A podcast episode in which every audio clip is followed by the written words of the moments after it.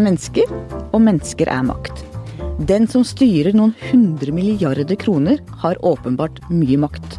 Og når alle disse milliardene tilhører fellesskapet, har den personen også et særdeles stort ansvar. Olaug Svarva, administrerende direktør i Folketrygdfondet, velkommen hit. Takk. Du sitter med betydelig makt i norsk næringsliv, har ledet valgkomiteer og bedriftsforsamlinger i noen av Norges største selskaper, men du har ikke klart å få noen særlig damer inn i toppstillinger. Det skal vi komme tilbake til. Men aller først dette. Jeg hører på lydbok når jeg rydder og vasker hjemme. Eh, jeg er småbarnsmamma, og etter at jeg fikk unger, så har jeg jo ikke tid til å gjøre noen ting. Eh, men en ting jeg må gjøre, er jo å vaske og rydde. Og da kan jeg kombinere og høre på lydbok eh, samtidig. Og det gjør at jeg føler at jeg på en måte ikke har mista meg selv helt likevel. At jeg fortsatt eh, kan gjøre noen av de tingene som jeg elsket å gjøre før jeg fikk barn. Med Storytel får du ubegrenset tilgang til tusenvis av lydbøker direkte fra mobilen din. Prøv Storytel gratis i 30 dager på storytel.no skartveit. Olaug Svarva, administrerende direktør i Folketrygdfondet. Igjen, velkommen. Hyggelig å ha deg her. Takk, takk. Folketrygdfondet er sparepengene våre. Så mye vet de fleste av oss, men hva er det egentlig? Det er et godt uh, spørsmål. Faktisk er Folketrygdfondet 50 år i år. Det er 50 år siden folketrygden ble innført. 1967 det var en kjempestor reform den gangen. Betydde veldig mye for utvikling av velferdsstaten. Kanskje en av de absolutt største reformene. Uh, og i den forbindelse med Folketrygdfondet etablert, så overskuddet på folketrygden skulle gå over til Folketrygdfondet. Og det skulle da være et bufferfond for folketrygden. Sparepengene våre, egentlig? Ja. Uh, til fremtidige pensjoner. Uh, et bufferfond for folketrygden. Men så ble det jo sånn at folketrygden gikk fort med underskudd. For den ble utvida til ikke bare pensjoner, men også helseforsikring. Altså det ble veldig mye som ble putta inn i folketrygdens ansvar. Riktig, og det ble også eh, Pensjonsalderen ble redusert, f.eks. sånn at det ble en overførsel eh, til Folketrygdfondet i elleve år. Og så begynte det å gå med underskudd? Ja. Og da ble det pay as you go-systemet som vi har hatt eh, siden. Hva betyr det? Altså at man tar Man har jo i statsbudsjettet så har man jo trygdeavgift, arbeidsgiveravgift, og det skal jo gå til utbetaling i folketrygdens utgifter, men det går da med underskudd, så det blir finansiert av andre inntekter i, i staten. Så det betyr at vi betaler egentlig ikke inn pensjon og setter på en konto til sparing i fremtiden, men jeg betaler for dagens pensjonister, og så skal, når jeg blir pensjonist, så betaler de som jobber da for meg. Ja, riktig. Så vi betaler regningen underveis, egentlig? Ja, det gjør man nå. Men da fondet ble jo da et sovende fond, kan du si, fra 1978, det pengene ble liggende der. For da lå det en del penger i det fondet, da? Ja, 11,8 milliarder var det i 1978, når siste overføring ble, ble, gjort. Og det ble plassert rundt omkring i landet, i, i innskudd i banker, som igjen kunne da låne ut til, til næringslivet. Så ble fondet øh, revitalisert tidlig 1990-tallet. For det var jo et sovende fond, men så ble det krise i landet eh, tidlig 90-tallet, bankkrise, og det var behov for å gjennomføre tiltak til å stimulere egenkapitaltilgangen til norsk næringsliv. Ja, for de trengte penger, de da? Næringslivet de trengte, penger, penger. Absolutt, og det var lite med eierskap eh, i Norge, lite med kapital. Så da kom regjeringa, eh, Brundtland den gangen, og, og kom med et forslag om at Folketrygdfondet skulle bruke midlene til å gå inn i aksjemarkedet. Så da trakk man pengene ut av bankene og satte, kjøpte aksjer på børsen, rett og slett? Ja. Så det var i 1991 første øh, aksjene ble vi kjøpt, så det er 25 år siden. Så vi har vært en forvalter av obligasjoner i 50 år, og øh, aksjer i vel 25 år. Og da ble jo den porteføljen gradvis øh, økt i, i aksjer. Men har man puttet penger, flere penger inn i fondet, eller er det verdien som har økt ved investeringene? Det er verdien som har økt underveis, og avkastningen blir tillagt kapitalen. Så det har ikke vært nye midler inn siden 1978, og ingen midler har heller gått ut. Så det er et lukka fond. Så det er sparer pengene til fellesskapet, det er riktig. Og når skal vi begynne å bruke disse pengene, det er jo opp til politikerne å vurdere det. Eh, midlene nå går inn under altså Folketrygdfondet forvalter midlene som nå inngår har fått et nytt navn i 2006, Statens pensjonsfond Norge. Så det er en del av det store fondet, Statens pensjonsfond. Det er jo det store fondet på bankplassen, Statens pensjonsfond utland, som er det gedigne. Men 200 milliarder som vi har eh, i Norge investert, det er jo veldig mye penger, det også. Så det er det fremtidig, det er fremtidig sparing. Det skal gå til fellesskapet når det trengs i fremtiden. Men det er opp til politikerne å avgjøre når man eventuelt skal ta ut. Så det er et litt sånn hemmelig konto. Noen av oss har en litt sånn hemmelig sparekonto som du later som du ikke ser til dårlige tider. Så det er uh, for a rainy day. Ja, det er en fellesskapets sparing, absolutt. Du sitter i en rekke tunge verv i norsk næringsliv. Du er leder av bedriftsforsamlingen og valgkomiteen i Statoil. Nestleder i bedriftsforsamlingen i Telenor medlem av bedriftsforsamlingen og valgkomiteen i Orkla, for bare å nevne noe. Og det er ikke mange i norsk næringsliv som har så mange innsynsposter som deg. Ja, altså når vi Altså er vi jo investor, da. Vi eier jo aksjer i 55 selskaper, så vi får en kan du si, en god oversikt over det som skjer i norsk næringsliv. Er på orkesterplass, om du vil. Nå har jeg gått ut av noen av de vervene nå, man må jo sirkulere litt. Det var i Statoil i åtte år, gikk ut der nå i, i vår. Men vi får god innsikt i, i, næringslivet. Og det er selvfølgelig viktig for å følge opp de investeringene vi, vi gjør. Og hvilken diagnose vil du sette på norsk næringsliv akkurat nå? Jeg må si at jeg syns at det jobbes veldig godt i norsk næringsliv. Jeg syns det kanskje ikke går frem nok i, i mediene av og til. Det jobbes seriøst og godt, og det er en veldig omstillingsevne. Og det skapes jo verdier. Vi har en periode bak oss hvor det er skapt betydelige verdier i næringslivet sett, sett eh, under, under ett. Ehm, men så er det klart det er en veldig stor omstilling som skjer nå. Det er store endringer i rammevilkårene til næringslivet. F.eks. digitalisering betyr veldig mye i endringer i selskapene. Det skal håndteres.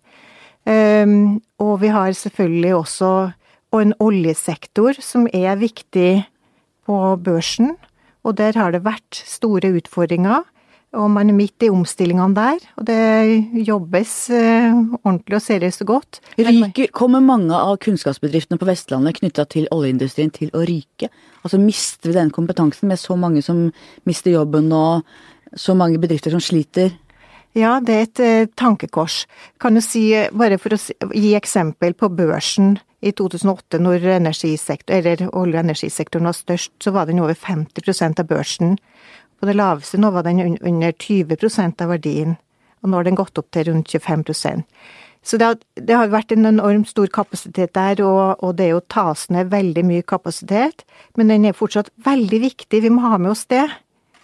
Jeg husker jeg var på Ulstein verft for noen år siden, ja. eh, hvor eh, de fortalte hvordan man hadde brukt kompetansen fra fiskeflåten, for det var jo fiskeribåter ja. der. De gutta som kunne fiskebåter, de bidro til å bygge oljeskip og supplyskip, mm. og hvordan på en måte kunnskapen erverva gjennom generasjoner ble brukt på nytt. Kan man se for seg en tilsvarende kunnskapsoverføringer til nye næringer av det som har vært i oljen? Ja. Eller går det tapt? Nei, det er overbevist om at det, der er man god til å ta over det beste fra oljesektoren inn i andre næringer. Det ser man vel alle, allerede.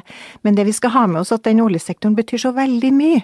Altså den står for så stor andel av både investeringer og verdiskapinga i Norge, så det skal jo veldig mye til for at den nedgangen der skal kompenseres med vekst i andre næringer. Ja, For fisk er ikke like lukrativt selv om det er stort, f.eks.? Ja, fisk har jo utvikla seg til å ha blitt uh, veldig bra.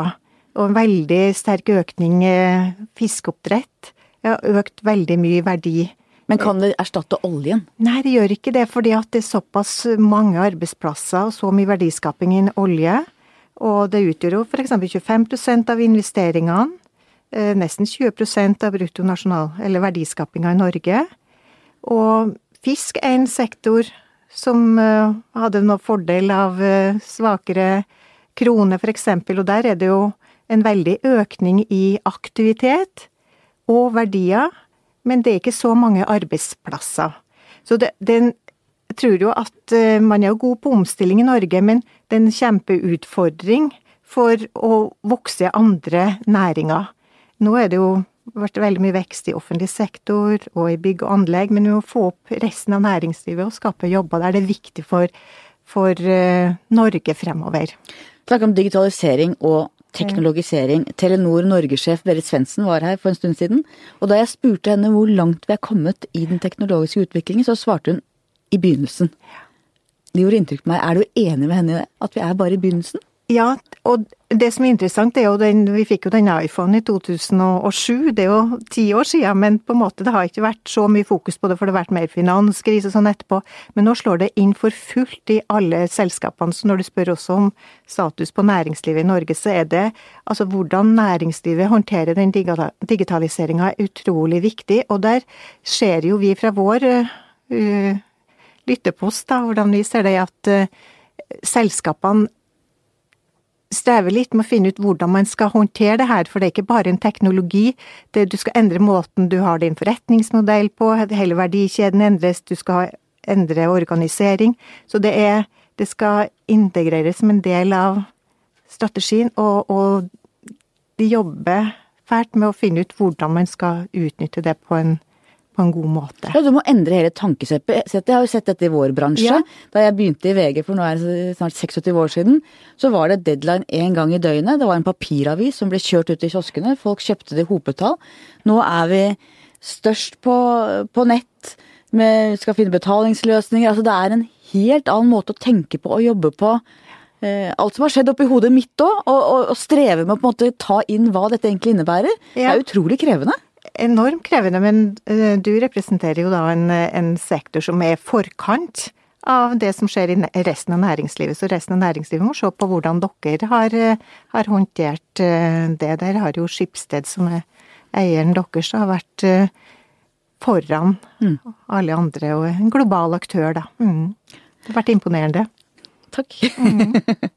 Automatiseringen har tatt noen jobber, men kommer til å ta vanvittig mange flere etter hvert ganske fort. Mm. Førerløse biler, varer levert hjem, roboter som gjør ting mennesker gjør i dag. Hvordan vil det prege samfunnet vårt?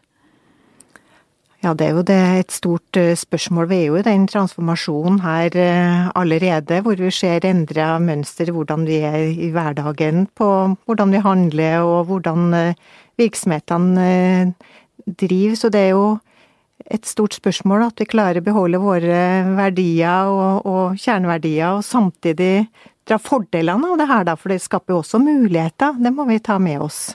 Og Norge ligger jo langt fremme. VG lanserte helt nylig nå Snapchat, den Discovery. Ja. Eh, og Norge er jo regnet av Snapchat-folka som liksom et av landet virkelig i forkant. Mm. Vi tar jo bruk teknologi veldig fort i dette landet. Ligger jo helt på topp når det gjelder bruk av smartphones. Så, så vi burde jo ha mange muligheter i i denne nye utviklinga òg? Ja, absolutt. Eh, helt e-, enig med deg i, i, det.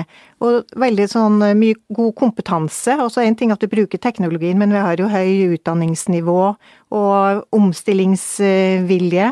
Så eh, vi har mye potensial her. Absolutt. Men det er ganske så krevende. Det er jo et sånn paradigmeskifte vi er midt i. Du hadde jo industriell revolusjon hvor man gikk fra å jobbe med hender i jorda til å jobbe med maskiner. Og så har, i takt med den teknologiske og digitale utviklingen, kunnskap blitt stadig viktigere. Flere jobber mer med hodet. Og jeg hørte nylig en podkast med New York Times-spaltisten Thomas Friedman, som sa at vi har gått fra hender til hode, og at det neste nå blir hjerte. Han refererte til en bar i en amerikansk by der de arrangerer malerkurs, og sier at folk har behov for å være sosiale, for å gjøre noe sammen. Kunstnere som hadde det kurset, tjente da på en kveld nok til å forsørge seg gjennom uka. Er det hit vi kommer, at vi på en måte må ja, jobbe nær hjertene, at det er eh, de relasjonene som kommer til å være framtidas eh, arbeidsliv og inntektsmuligheter for alt det andre, blir automatisert? Det er vanskelig å spå om det der, men at er store endringer er det jo. Og en, selv om vi har de store endringene, så tror jeg jo på det at du må jo ta vare på de verdiene eh, og de relasjonene. Det, det kan jo aldri erstattes. Jeg tror vi bare må være forberedt på mange ulike løp og prøve å være dynamiske i forhold til å tilpasse men ikke miste seg sjøl eller samfunnets verdier i det, i det endringene, da. Eller en bedriftskultur, for eksempel. Og hvordan, Hva er faresignalene for det? Hvordan kan det skje at vi mister oss sjøl? Nei, det går på ja, for eksempel i, i media, da. Jeg tenker jo på det nå med hva skal jeg si, falske nyheter, og at man legger ut altfor mye privat i media, at man skiller ikke mellom privat og offentlig. Det er jo spørsmål der, tenker jeg, som er viktig at vi har, er veldig, veldig bevisst, da. Vi må ikke bli fremmedgjort, vi må beholde sjela vår. på en Ja, måte. vi må ha de verdiene, de grunnleggende verdiene. Hvis vi ikke har med oss det inn i automatiseringa, så taper vi veldig mye på, på veien. Um, så det, det tror tror jeg på. hva tenker du er de grunnleggende verdiene i det norske samfunnet? Det er jo likhet er viktig. At det ikke skal være store forskjeller. Tillit er, er viktig. Eh, altså troverdighet. Eh, omsorg. Altså det syns jeg det er viktige verdier i, i Norge som er viktig å ha med seg fremover. Mm.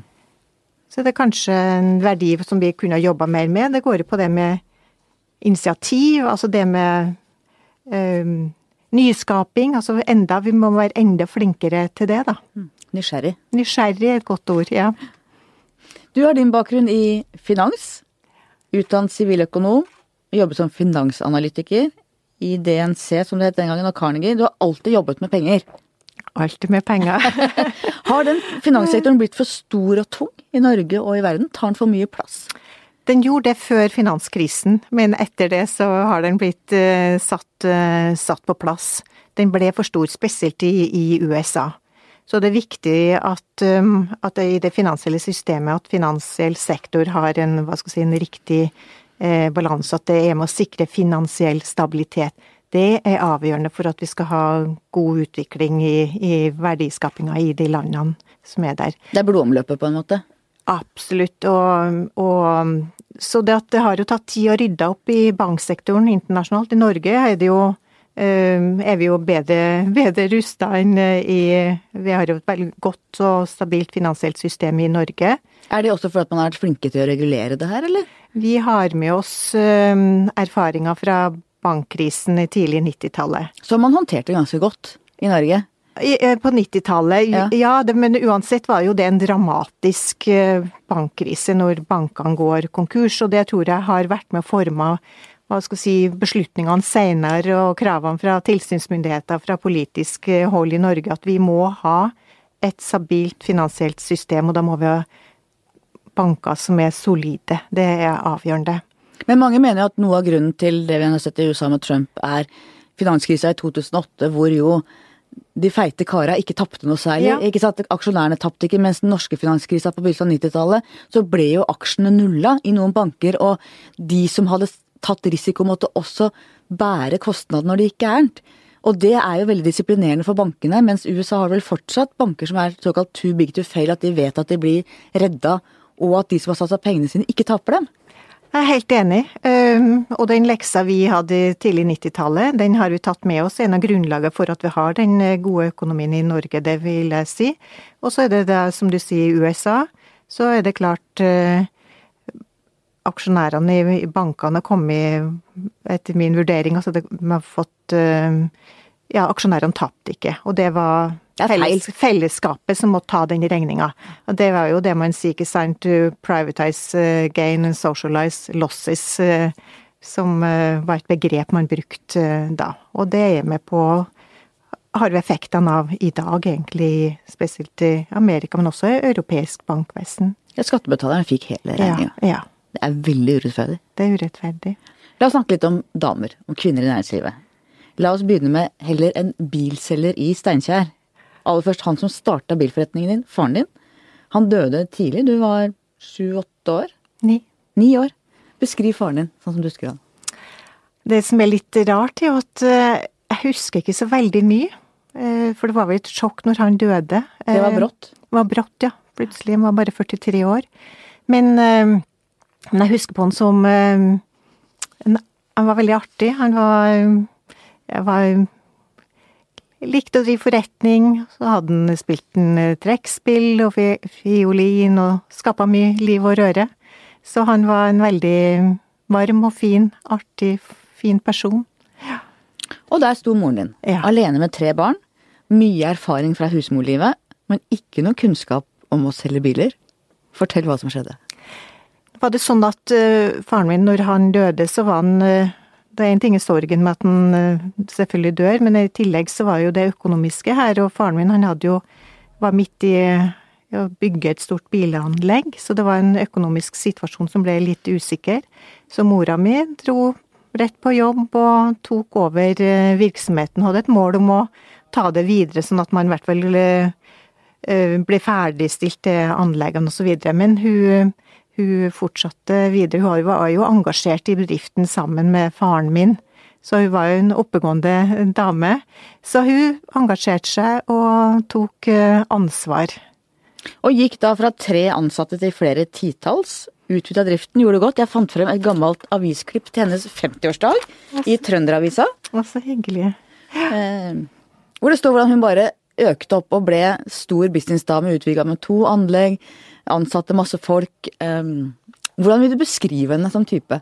Hun ser jo ut som en imponerende dame, hun der, altså. Ja, hun var veldig Hva skal jeg si Hun var veldig sterk. men likevel veldig varm. Hadde en fin sånn balanse i det. Veldig flink med folk.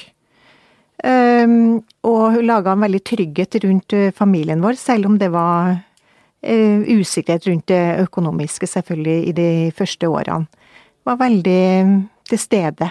Som var veldig hun, ja, hun er jo min rollemodell, da. Mm. Var dere nære? Veldig nære. Ja, hun døde dessverre for tidlig, men hun var veldig på å stimulere meg da, til å ta meg utdannelse. Hun sa hun reis ut i verden. Mm. Hun var veldig på, på, det. Bli selvstendig. Klar deg sjøl. Og hva var det viktigste du lærte henne som leder?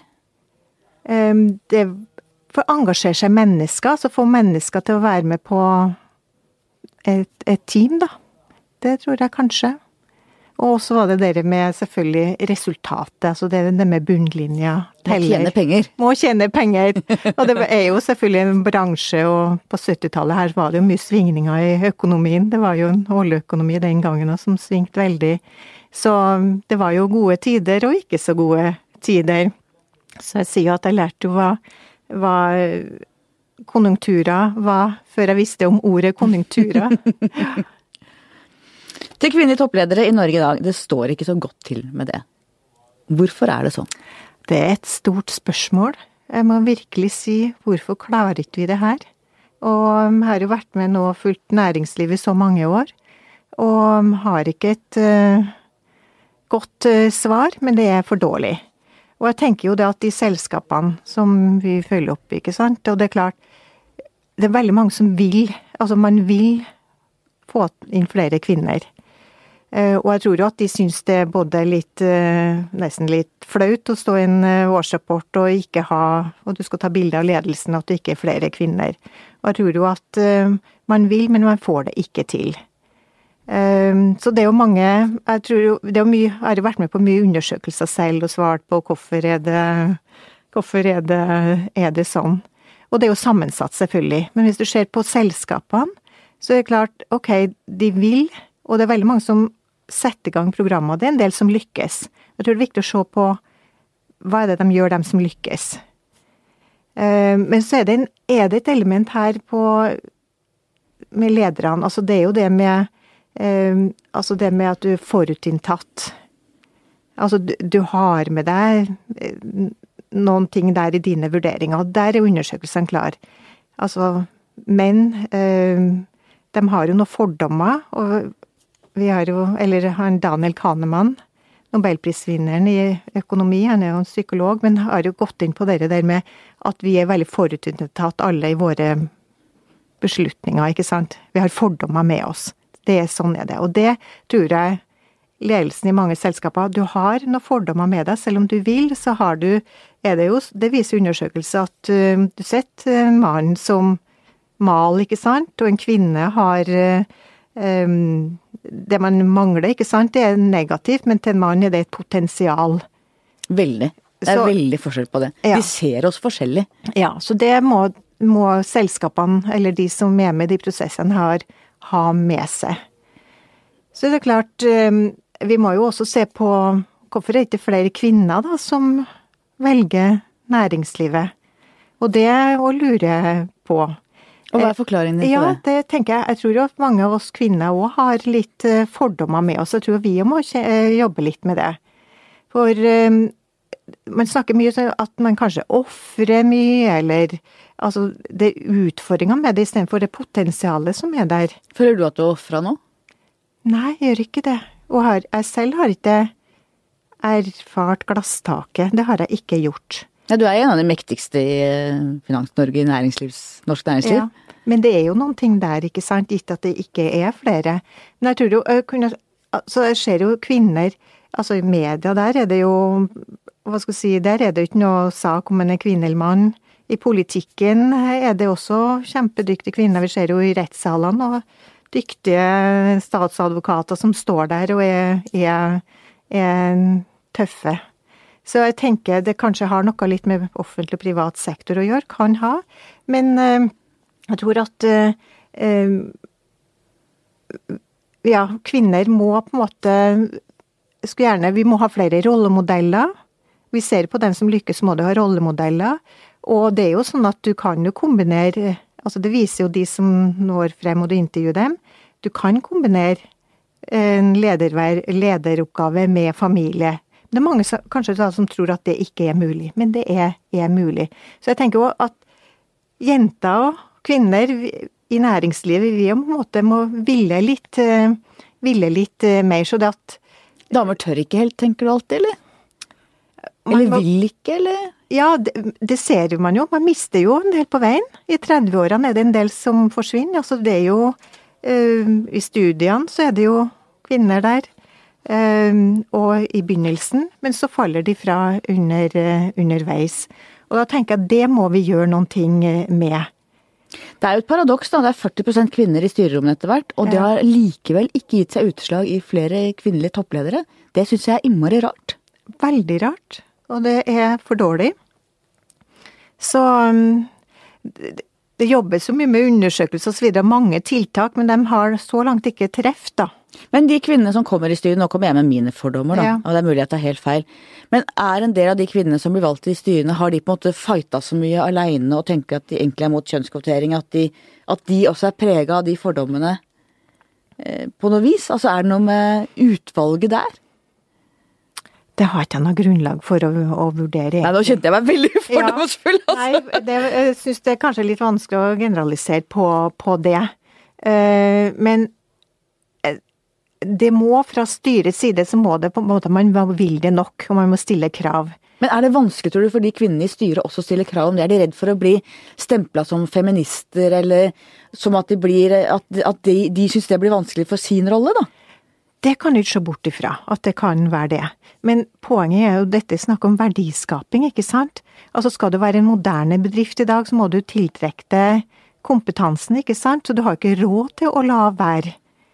Så styrene må ville det, styreleder må ville det, og daglig leder må ville det. Og gjennomføre tiltak, så de må jo bare sette Og det gjør jo veldig mange, vi har jo gode eksempler òg. Det er en del som gjør det, gjør det bra, men det er litt lange prosesser det her, og det, man må jobbe på ulik måte for å få frem enda flere kvinner i, i næringslivet. For det er jo god business. Jeg husker jeg var eh, leder for Likestillingsutvalget her i VG på begynnelsen av 90-tallet. Jeg laga en stor rapport til sjefredaktøren, og da var mitt viktigste argument at vi må ha flere kvinner ansatt i VG fordi vi må nå de kvinnelige leserne, for da får vi solgt flere aviser. Ja, mm. Ikke sant? At det handler om business, og det handler ikke om rettferdighet. Det handler om at mangfold gjør at du blir bredere og lager bedre produkter, rett og slett. Nettopp. Det er jo verdiskaping det er snakk om. Du har ikke råd til å, å la være. Og så er det jo litt sånn artig, og hvis du intervjuer, f.eks. innen finans, så har man intervjua kvinner som jobber med, innen finans, da. Um, man trives jo. Altså ledere har også vært med på undersøkelser. Kvinner trives jo veldig mange i rollen. Altså det er et kjempepotensial. Så vi må få fram de gode historiene. Og få enda flere jenter da, som kvinner da, i 30-årene til å øh, ville det her. Det er én ting som irriterer meg grenseløst, og det er når man da også i mine omgivelser setter av innkaller til kvinnepanelet for å diskutere hvorfor blir ikke kvinner sjefer. Ja. Og jeg blir helt sånn Det er da ikke vi som skal snakke om det! Det er jo de mennene som ikke ansetter kvinner som bør snakke om det. De bør, bør ha seminar i sine egne konsernledelser. De bør kalle inn folk og få foredrag om hvordan man leser kvinner og menn ulikt. Ja. Vet du, Jeg blir så sint Ja. når det er damer som skal diskutere. Det er ikke vi som ikke ansetter. Jeg syns det er helt Ja, nei, det vanvittig. Men her er en kjempejobb å gjøre. Eh, Og hva har du gjort? ja, det, det var jo spørsmålet, da, ikke sant? altså, det vi kan gjøre som, eh, det som eh, eh, Vi kan jo snakke om det. Altså, det er viktig. Altså, og, eh, og vi er jo en eier i selskapene, og vi er jo opptatt av å utfordre selskapene på strategi. Hva, hvilken forretningsmodell har de, hvordan skal de skape verdier? Det er det vi er opptatt av. Bedrifter må skape verdier. Og da vil jo det her være naturlige spørsmål som en del av dialogen vi har med, med selskapene. Men vi har ikke noe sånn eget program på det her, det mener vi det kan vi ikke gjøre. Men vi kan utfordre styrene på det, og ledelsen. Og vi ser jo at vi prøver å trekke fram de gode eksemplene. Hva er beste eksempelet Hva er beste eksempelet i Norge på et selskap, stort selskap som har fått til de tingene? Fins det? Jeg syns det er litt vanskelig å trekke fram ett et selskap. Det syns ikke jeg det er riktig. Min, eh, altså vi er en aksjonær i 55 selskap. Okay, men veit om noen, da? Veit om noen. Og vi, vi, og vi bruker dem som eh, eksempel til, til andre. Og det går Altså, det er bevisst og hard jobbing. Altså, det kommer ikke av seg sjøl. Men du må ville det nok, og du må ha tilstrekkelig fokus på det. Så det er veldig mange som sier at vi vil gjøre det, men de jobber ikke nok med det. Men Det er mye her prat. viktig. Mye prat. Mye prat her, og alle vil jo Det er jo ingen som sier at du ikke vil ha flere kvinner i ledelsen. Nei, du bare gjør det ikke. Ja. Men igjen, altså, vi må legge jo Altså, jenter og kvinner om å på en måte ville det enda mer, og der tror jeg dere med eh, rollemodellene er viktig. Uh, og du må ville det. Altså, og du kommer ikke unna kompetanse og hardt arbeid, det, det gjelder jo alle sammen. Men så må du, må du uh, ville det.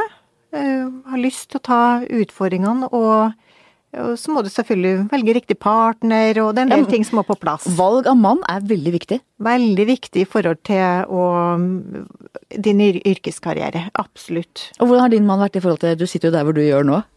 Det har vært et godt team hele veien og fått full eh, backing av mannen min. Og det som Han har jo hadde også en yrkesaktiv mor, ikke sant, så det var naturlig i hans hjem òg at eh, mor og far delte på ting, og, og det har vært naturlig for oss. Og mannen min, han var eh, Når vi fikk vårt første barn, så var han eh, delte vi på permisjon, og det var på 90-tallet. Så vi har på en måte delt på, på ting hjemme, og det er viktig for å, å mm, få frem enda flere kvinner i ledelsen. Så du må ha litt sånn, litt sånne rollemodeller. Du må ha backing på, på hjemme, hjemmefronten. Jeg fikk et råd en gang av en eh, klok gammel mann som sa at du må se, du må se hva, eh, hva om de mennene du omgir deg med har hatt hjemmeværende mødre eller ikke. Ja. For at de som har hatt yrkesaktive mødre er ofte mye mer moderne i hodet sitt enn de mennene som har vokst opp, vokst opp med mamma hjemme. Ja, det tror jeg det. Jeg er enig med deg i. Og der har jeg vært heldig. Ja, jeg òg. Jeg òg. Hva liker du best ved å være leder? Jeg liker um, Jeg syns, jeg syns faktisk jeg vil bruke ordet meningsfylt. Jeg syns det er så spennende å være med og ha et oppdrag, sette mål. ehm, få et team til å jobbe mot det, det målet. Altså det å få inn kompetanse, få en organisasjon til å fungere, til å levere på, på det målet som er satt. Det syns jeg er utrolig inspirerende og, og spennende. Utfordrende. Det Og hva, er tenker gøy. du, hva er det viktigste med jobben du gjør? Du sier det er meningsfullt. Hva er det som virkelig gir det mening? Jeg mener at eh, altså sånn selve det oppdraget vi har, så syns jeg det er mening det med at vi skal være med faktisk å skape verdier for fellesskapet. At vi har en eh, offentlig aktør som skal forvalte en stor pengebinge på en best mulig måte. Det har gått fra 11 milliarder i 78 til nesten 200 milliarder nå. Eh, Det er klart det er inflasjon her, som allikevel det er ganske stor verdiøkning. Veldig stor verdiøkning. Absolutt, og det, det kunne jeg vel sagt i stad. Det ble tatt ut 100 milliarder her i 2006, faktisk, når vi fikk et uh, nytt uh, mandat. Så, Så det kunne vært 300. Ja. Men, eh, men eh, det var i statspapirer, så det var jeg tar fra én lomme til en annen lomme i staten. Så eh, Nei, men jeg syns at det er en ting det med forvaltning av de pengene. Det er et stort ansvar. Det syns jeg Altså, faget er spennende. Altså, jeg syns det er kjempespennende å være med på å vurdere næringslivet. Hvor er det det er lønnsomt å investere? Um, og da må du følge med i det geopolitiske, makroøkonomi. Uh, du må følge med hvilke sektorer er det som gjør det bra, hvilke selskaper er det som skal lykkes over tid. Å følge opp det, det syns jeg er et kjempespennende oppdrag, og at vi da kan også være med å være en god eier i, i norsk eh, næringsliv. Var det like meningsfylt å jobbe privat, eller gjør det enda mer meningsfylt for deg å jobbe med å forvalte fellesskapets penger?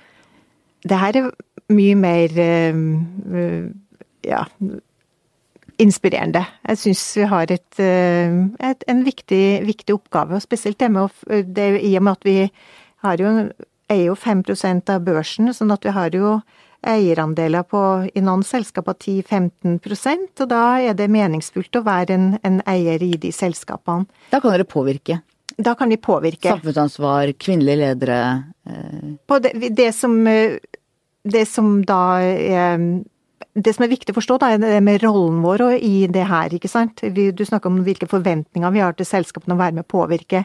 Og da har jeg lyst til å si at eh, Forskjellen fra da å jobbe i privat sektor med, som analytiker osv., og, så og nå er jo det med, med uh, rollen vår. Og der var det og Vi måtte se ting litt i større perspektiv, og det lærte jeg av Tore Lindholt. Han var jo min uh, leder i fondet på, på 90-tallet. Tidvis omstridt? Ja. Men, uh, Tydelig? Ja, han var veldig tydelig. det var gøy ofte. ja, det var gøy ofte. Det var en gang jeg var en eh, journalist som intervjua meg, en kollega av en annen avis her, så og så på slutten av intervjuet så syntes han nok at det ble litt eh, kjedelig, så sukka han og sa åh, det var mer, eh, mer spennende med, med Tore Lindås, det var enklere å være journalist da.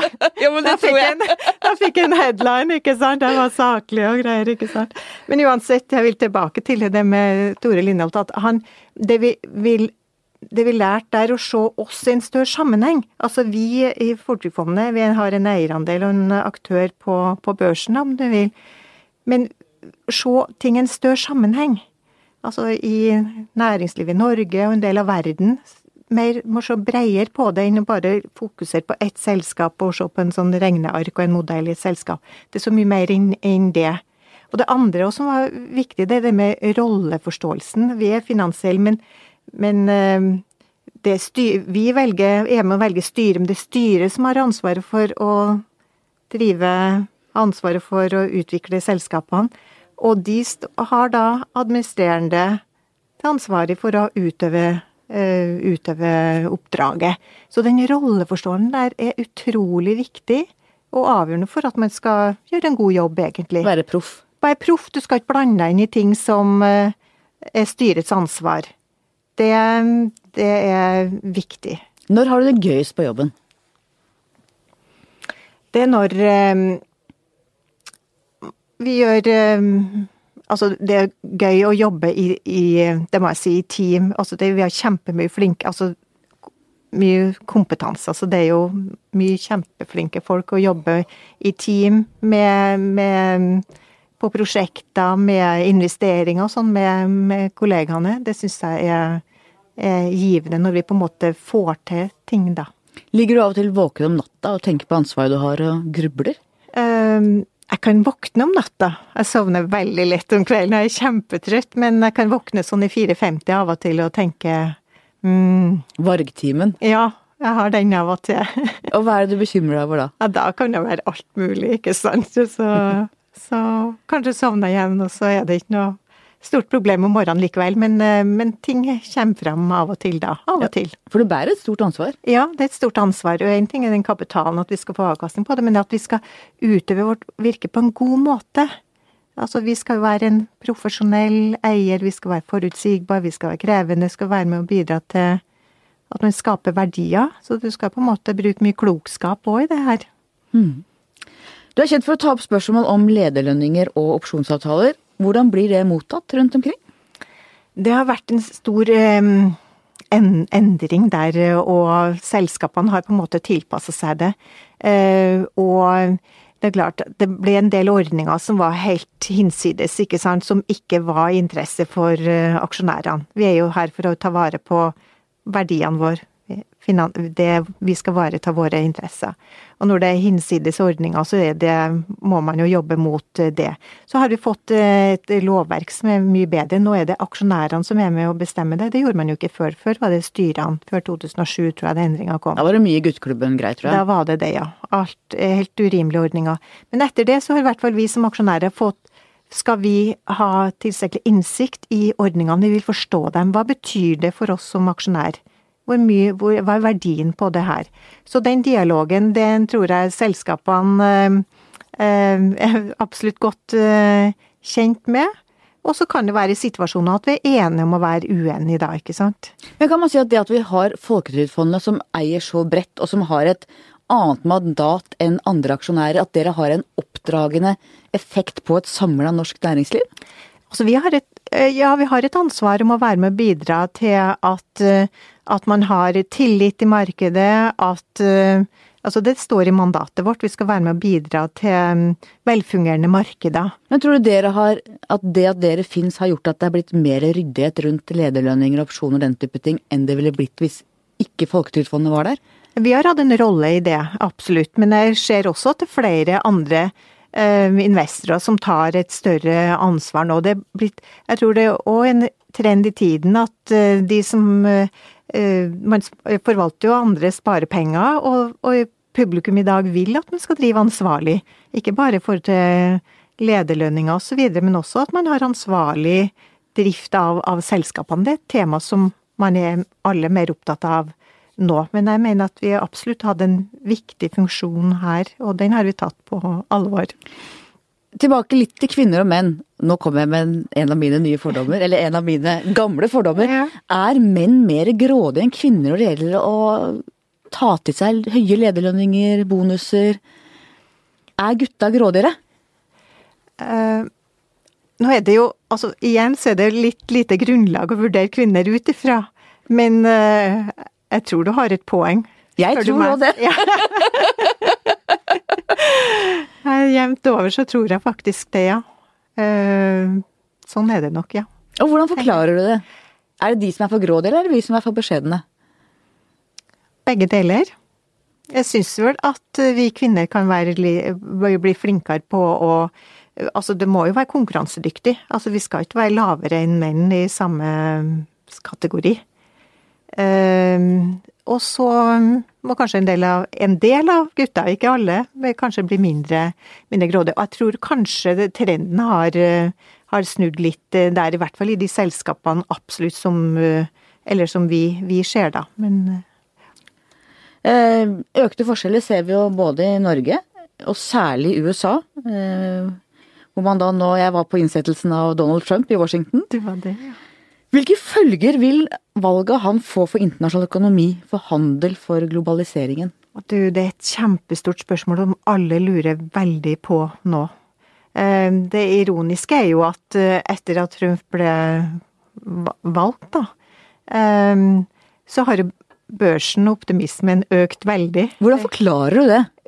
Det man forklarer det, er at altså han forventes å komme næringsvennlig politikk, da. Um, skattelette, mindre regulering, um, investering av infrastruktur, økt aktivitet, økt vekst. Og mer inntjening i selskapene. Så det skapte en, en, optimisme. Er det grunnlag for den optimismen, tror du? Det er jo det som er det store spørsmålet nå. For eh, det er jo de kortsiktige effektene, så vet man ikke de langsiktige effektene av globalisering. Altså at det er en trend tilbake der nå, at, det, at uh, det blir proteksjonisme, som er negativt for verdiskapinga i, i, verden. Og Norge har en veldig åpen økonomi, hva betyr det for oss? Ja, altså det er jo veldig negativt for oss. Altså vi er jo avhengig av, av å eksportere våre, våre, varer, så det at det er negativt for verden som sådan. Så er det store spørsmål hvor langt vil eh, Trump gå? Og det Vi og alle lurer på det nå. Starten er jo forferdelig dårlig, da, ikke sant. Så det så det er spørsmål hvor mye som er retorikk, og hva, hva som kommer i kjølvannet her. Men at man er en, et paradigmeskifte, det er ganske, ganske klart. Og at uh, det blir kanskje da mindre globalisering uh, fremover. Så vil vi se effektene av det først langt frem i tid. Poenget, Hvor langt frem i tid, da? Det kan ta litt tid. Uh, men poenget er at siden du sitter som en industri, uh, sitter i et styre i et industriselskap, eller et selskap, så vil du lure på hvor er det du skal investere nå. Altså det er jo en veldig økt eh, usikkerhet knytta til øh, fremtiden. Kanskje du blir litt mer øh, tilbakeholden med å gjøre investeringer til du ser øh, hva effekten er. Og så er det jo selvfølgelig økt politisk risiko, geopolitisk risiko. Usikkerhet der. Så det, det, er ikke bra på, på, på, lang sikt. Og brexit, hvilke følger vil det få for både verdensøkonomien og for Norges økonomi, tror du? Altså, Norge er jo Europa, Europa uh, viktigst. Så alle de trendene vi har sett i fjor, betyr jo at den store kaka i verden blir kanskje mindre. Det er jo litt effekten uh, av det. Så er jo i Norge vi er jo ekstremt privilegert. Vi har hatt 15 år med enorm eh, glede av globalisering etter Kina kom inn i tidlig 2000-tall. Det er jo helt eh, Vi er jo på den gylne gren som, som bare, bare, det. Og som også hadde kjempehøy oljeproduksjon i den perioden her, når prisene har vært høye. Så vi har blitt forskåna fra, fra mye. Så det blir veldig spennende å se på endringene nå, for det kan jo selvfølgelig ha betydning for, for en liten økonomi som oss, som er avhengig av eksport. Så vi må forberede oss på litt røffere tider, selvfølgelig? I hvert fall økt, økt Det er i hvert fall økt usikkerhet eh, nå. Hvem tør å spå nå, ikke sant? Og da skal vi ta vare på, som vi snakket om, verdiene. Vi skal ta vare på tryggheten i norsk arbeidsliv. Det ligger noen utfordringer der som er ganske krevende? Det er klart, men i Norge har vi jo en del fortrinn i det omstillinga og det er jo mange trekker fram det med at uh, likhet er um, flate strukturer, det er kort vei uh, fra ansatte til ledelse, vi har kompetanse, vi har omstillingsvilje, vi har jo en kjempegod forutsetninger for Vi har jo betydelig sparing i, i reserve i, eh, i Statens pensjonsfond i forhold til andre land som har mer gjeld. Så vi har et godt utgangspunkt. Over til de litt mer si, varige verdier. hadde jeg nær sagt. Hvordan ser du religionens plass i det norske samfunnet? Nå er jeg ikke et religiøst menneske. Eh, humanetiker. Så mm, Så jeg har ikke noe sånn uh, sterke syn, uh, syn, syn, på det. Men jeg tror jo på det med det verdier, altså det felles verdigrunnlaget. Det er ekstremt viktig for at vi skal ha et godt uh, samfunn fremover. Og der er det jo litt sånn med utfordringer nå som vi snakka om til, til bunn med, i forhold til fake news og at vi lever uh, digitalt og ikke menneske til menneske. Mm. De sier at man skal være glad hvis man ikke lever i interessante tider. Ja. Og vi lever i veldig interessante tider ja. akkurat nå. Ja, vi gjør det. Helt til slutt, hva skal bli historien om deg? Olaug Svarva, det var hun som Var med på å skape verdier for fellesskapet. Det er et fint ettermæle. Tusen takk for at du kom. Takk for meg. Takk til deg som hørte på. Takk til vår faste produsent Magne Antonsen. Vi høres igjen neste uke.